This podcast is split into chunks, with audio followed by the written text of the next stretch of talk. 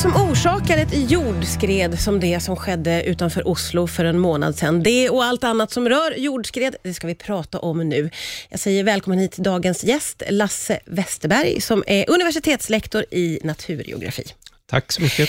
Du, om vi börjar här. Vilka orsaker finns det till att jordskred sker?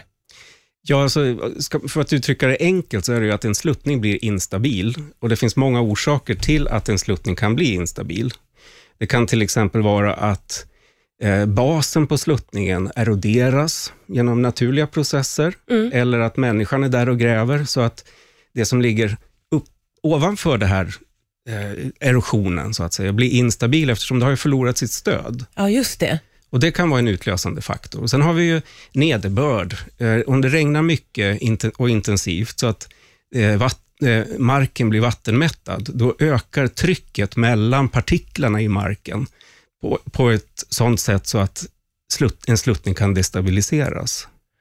För det är ju svårbegripligt för många av oss att det ser ut som att marken bara faller in. Vad är det som sker då där? Ja, det beror ju lite grann på vilken typ av ja. rörelse det är frågan om. I det här eh, senaste fallet då med Norge, skredet i Norge, det var ju kvicklera som var inblandat. Och Det är en väldigt ett väldigt speciellt material som är ganska stabilt. Man kan belasta det ganska tungt, men under vissa förutsättningar, då, om det finns mycket vatten i marken och om det här materialet, den här kvickleran utsätts för någon slags störning, en vibration eller något liknande, mm. så övergår den från fast tillstånd till flytande tillstånd och det kan gå väldigt fort. Ja, kan man på något sätt förutspå det här? Alltså kan man veta innan det sker? Nej, det kan man inte.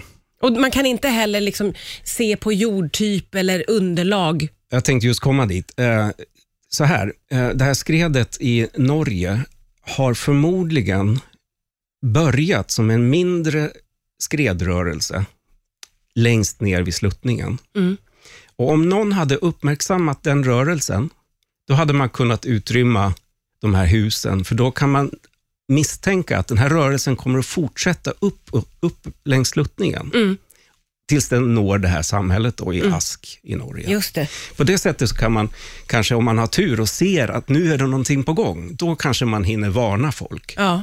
Men annars så är det ju omöjligt att veta exakt när ett skred ska inträffa. Däremot så kan man ju analysera marken och kolla, det här är ett område där det potentiellt kan ske jordskred. Och vad är det man, man, vad är det man ser då? Ja, då kan man ju ta jordprover. Man kan göra borrningar ända ner till berggrunden och kolla vilken typ av material är det som ligger här. Mm. Och Hittar man då den här typiska kvickleran, mm. då ska man dra öronen åt sig då är det ett område som är farligt. Vi har naturligtvis tagit avstamp i det hemska jordskredet som skedde utanför Oslo. Det var ju för en dryg månad sedan. Och eh, det skedde ju på grund av att det var kvicklera. Eh, och eh, Du sa att det hade, varit, det hade varit mycket regn. Ja, det hade regnat, jag tror det var tre gånger så mycket som normalt under december månad. Och även under, tidigare under hösten så var det mer nederbörd än normalt, så att marken måste rimligen ha varit vattenmättad vilket jag tror har varit, eh, haft en stor betydelse för att det här överhuvudtaget ägde rum. Men det här med att bygga på kvicklera, eh, gör man det? Ja, men man kan göra det. Som jag sa på förra inslaget här, så kvicklera kan utsättas för en del, eh, en del eh, eh belastning. Ja. Problemet är liksom att man måste vara väldigt försiktig med vad man bygger på eh, kvicklera, mm. så att man inte ska säga, bygger sådana saker som, som, som om de drabbas ger stora effekter, samhällseffekter eller kanske hotar människoliv. Ja, okej. Okay. Ja. Så vad skulle man kunna bygga då menar du på kvicklera? Ja, man kan dra fram en väg till exempel. Man kan mm. kanske ha ett lag, en stor lagerbyggnad. Jag menar, sådana ska säga, byggnader eller konstruktioner där det inte vistas så mycket människor och där, om någonting händer, ja. så blir inte effekterna på, på samhället så stora. Men du, då låter det ju, tycker jag, konstigt att man har byggt bostadshus på det här stället som ja, rasade i Norge. Ja, jag håller med dig om det. Eh, Norge, precis som i Sverige, så har de ju gjort eh, såna här karteringar av var någonstans det finns kvicklera. Och man har också då konstaterat att det här området vid Gärdrum, då, eller Ask, att det är ett område där det finns kvicklera och det var också faktiskt klassat som ett högriskområde. Så att de, att de har byggt det här bostadsområdet på just det här stället tycker jag är lite märkligt. Nu kommer ju norrmännen givetvis att uh, göra undersökningar av det här mm. och vi får väl se när de är klara vad som var den, vad ska jag säga, den utlösande faktorn. Mm. Och uh, Förr eller senare så kommer man säkert också att uh, försöka se ska säga, bedöma huruvida det var bra att bygga här eller inte. Ja, ja. Kan ett jordskred ske på samma ställe igen? Eh, nej, alltså, där jordskredet har ägt rum, där är det en stor grop. Det finns ingenting som kan hända i den gropen. Däremot kanterna runt omkring kan ju bli eh, instabila eftersom de har förlorat sitt stöd mm. utav det som har skredat, så att säga, det som har glidit iväg. Så är det en fara för de husen som står kvar? Ja, på dem? Ja. Och, och, och Vad kan man göra liksom för det? Finns det något sätt att... Ja, nu är inte jag en geotekniker, eh, så det, det, borde du ha frågat en geotekniker som är bättre på just det här med hur man Jag får ringa en sån sen. Ja, nej, hur, hur man stabiliserar en sluttning. Ja. Men man kan till exempel, till att börja med, kanske fylla den här skredgropen, det här stora ärret, med eh, stora stenblock eller något sånt där som verkligen håller emot. Ja, så att man bygger upp ett stöd mm. mot den här branta skredväggen som, som står där nu nästan helt lodrät. Ja, just det. Den här kvickleran, finns den överallt på hela jordklotet? Nej, det gör den inte. Det finns i de områden på jorden där vi har haft inlandsisar eh, som har smält undan. Och Smältvattnet från de här inlandsisarna har fört med sig lera som har avsatts i saltvatten.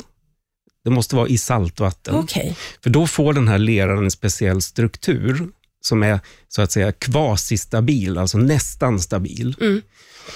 Eh, men när landet sen höjs så att den här leran hamnar över havsytan, då börjar de här salterna som håller ihop leran ah. att lakas ut. Aha.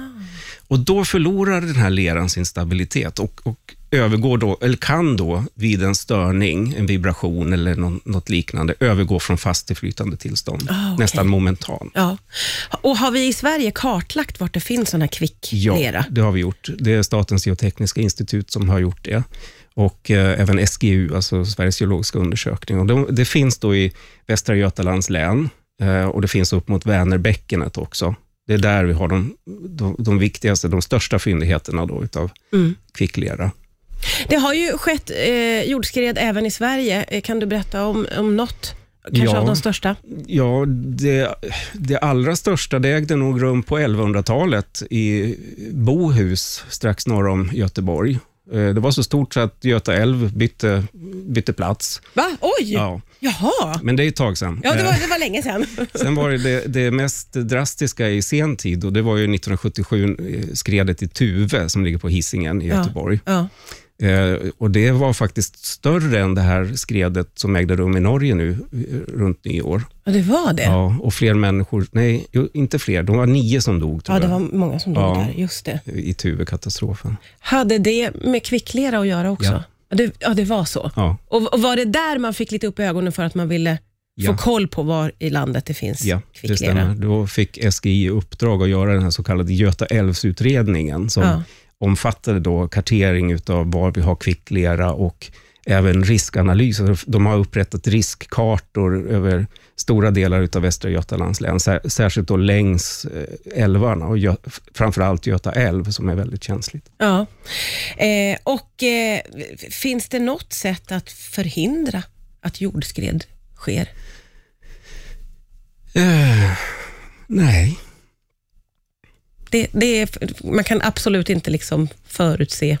Man kan inte förutse annat än om man har tur och ser den, den initiala rörelsen, alltså där den här erosionen nere vid basen på en sluttning, där, mm. där den äger rum. Ja, Om man ser den, då kan man misstänka att den där rörelsen kommer att fortsätta uppåt längs sluttningen.